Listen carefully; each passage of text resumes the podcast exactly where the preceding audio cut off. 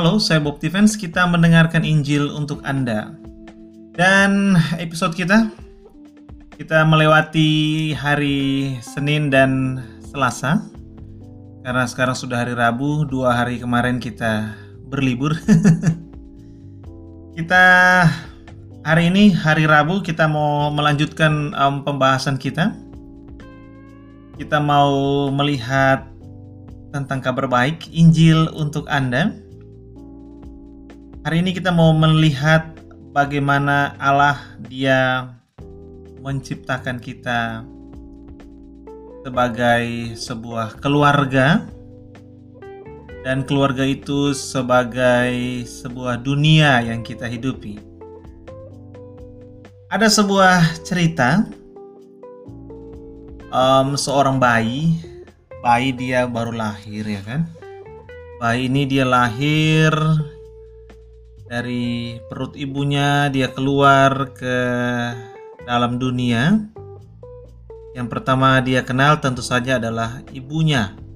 Ya kan? Karena dia punya ikatan yang sangat kuat dengan ibunya 9 bulan kurang lebih ya lamanya dia berada di dalam tubuh ibunya sehingga secara emosi dia sangat terikat dengan sang ibu.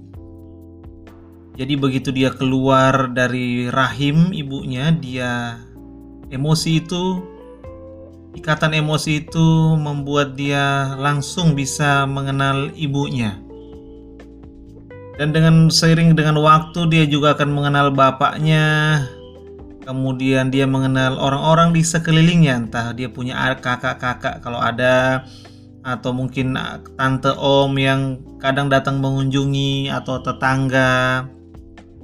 Sehingga perlahan tapi pasti anak ini dia mengenal um, lebih banyak orang. Mulai dari satu orang yaitu ibunya kemudian bapaknya dan kemudian orang-orang sekitarnya namun demikian, um, meskipun banyak orang, semakin banyak orang yang dia kenal, nah tapi dunianya anak ini, terutama ketika 5 sampai mungkin 12 tahun pertama bahkan lebih mungkin um, 13 15 tahun pertama maka dunia anak ini adalah dunia yang disebut dengan keluarga keluarganya menjadi dunia baginya. Anak ini tidak lahir lantas mengenal 6 miliar orang di dunia kan tidak mungkin kan walaupun dikatakan dia lahir ke dalam dunia. Tetapi dia tidak mengenal 6 miliar seluruh orang di dunia tidak. Dia mengenal ibunya dan seterusnya dan seterusnya. Dan itu pun 15 tahun pertama dia mengenal sangat sedikit orang dibanding 6 miliar tadi. Dan orang-orang yang dia kenal inilah yang membentuk dunianya. Ya meskipun kalau sekarang kita tahu ada uh, media sosial di mana orang-orang mulai mengenal satu dengan yang lain melalui media sosial tanpa batas ruang. Artinya kita bisa mengenal orang yang jauh dari rumah kita, di kota lain, pulau lain, bahkan negara lain, tanpa kita berjumpa dengan mereka karena kehebatan dari teknologi kita sekarang. Namun demikian, tetap dunia kita atau dunia bayi eh, anak yang tadi adalah keluarganya. Keluarga menjadi dunia baginya. Sisanya orang-orang di sekitar, orang-orang yang dijumpai di media sosial itu melengkapi. Sampai kemudian dia semakin besar, dia meninggalkan keluarganya untuk mungkin sekolah, kuliah, sampai dia bekerja, dia punya dunia baru yang namanya dunia kerja. Di sana dia punya kenalan baru, teman-teman baru yang dia ketemu setiap hari Senin sampai Jumat, yang dia sebut teman kantor. Kemudian nanti dia menemukan seseorang yang dia cintai, dia menikah, dan dia membentuk keluarga baru, dan di sana perlahan namun pasti dia meninggalkan dunianya yang lama, yang keluarga yang lama untuk membentuk keluarga yang baru. Karena dia sudah punya keluarga yang baru. Nah, dari cerita yang tadi baru saja kita melihat ada dunia yang diberikan kepada anak yang baru lahir itu sebagai tempat untuk dia hidupi. Istilahnya anak ini dia tidak menghidupi seluruh dunia. Walaupun mungkin ketika dia bekerja nanti dia bisa berkeliling ke beberapa tempat, tapi tetap saja dia akan pulang kembali ke rumahnya, ke dunia. Jadi keluarga, rumah itu sebagai dunia yang diberikan kepada seorang anak untuk dia hidupi, dia tinggali. Dan dari dunia yang kecil itulah anak ini mengenal dirinya sendiri, mengenal orang-orang di sekitar, kemudian mengenal dunia yang lebih luas. Nah, pengandaian ini ketika kita terapkan ke dalam hubungan kita dengan Tuhan, maka Alkitab mengatakan Tuhanlah yang membuat kita lahir kembali di dalam Kristus. Jadi, ketika kita dilahirkan kembali, seperti anak yang tadi, yang pertama kali kita kenal adalah Allah yang melahirkan kita. Kita mengenal uh, Allah yang begitu mengasihi kita. Kita mengenal Allah yang begitu sayang kepada kita. Dan dari pengenalan itu kemudian kita mulai mengenal orang-orang di sekitar kita yang juga membantu kita. Katakanlah kakak rohani kita atau pendeta kita, mungkin orang tua kita sendiri yang sudah sangat mengasihi kita.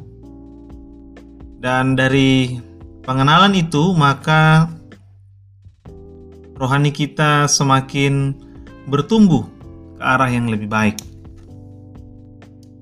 Nah, Allah menciptakan keluarga, yaitu Dia menjadikan dirinya sebagai Bapak dan kita sebagai anak-anaknya. Dan uh, cepat atau lambat kita akan mulai mengenal orang-orang di sekitar kita yang juga menjadikan Allah sebagai bapaknya sehingga dikatakan kita memiliki keluarga rohani. Dan keluarga jasmani kita pun kemudian menjadi keluarga rohani. Walaupun tidak semua orang yang memiliki keluarga jasmani, keluarga itu juga bisa jadi keluarga rohani dia ada memang orang-orang yang bergumul untuk agar keluarganya bisa juga mengenal Tuhan karena sampai saat ini belum mengenal Tuhan. Tetapi tidak mengapa karena Allah menciptakan keluarga rohani sama seperti dia menciptakan keluarga jasmani. Dan Allah sebagai Bapa. Dari pengandaian yang tadi kita tahu bahwa seorang ibu dan seorang bapak dari anak yang baru lahir tadi tidak mungkin akan meninggalkan anak itu tidak mungkin akan membuang anak itu, tidak mungkin akan membiarkan anak itu begitu saja.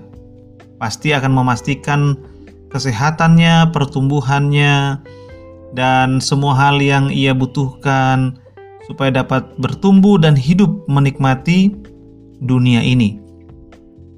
Demikian juga dengan Allah. Ketika Allah melahirkan kita kembali di dalam Kristus, maka Allah tidak membiarkan kita begitu saja Allah tidak meninggalkan kita. Allah tidak membuat kita hidup seperti yatim piatu. Dia tidak membuang, kita di panti asuhan rohani. Tidak, dia memperhatikan kita. Allah menjadikan kita anak yang dia kasihi. Sehingga dia terus menyatakan kasihnya kepada kita. Dengan jalan itu maka kita tahu bahwa sebagai anak-anak Allah kita diperhatikan oleh Tuhan, kita dijadikan yang dikasihinya sehingga kita tidak perlu khawatir kalau-kalau nanti secara rohani kita ditinggal oleh Allah.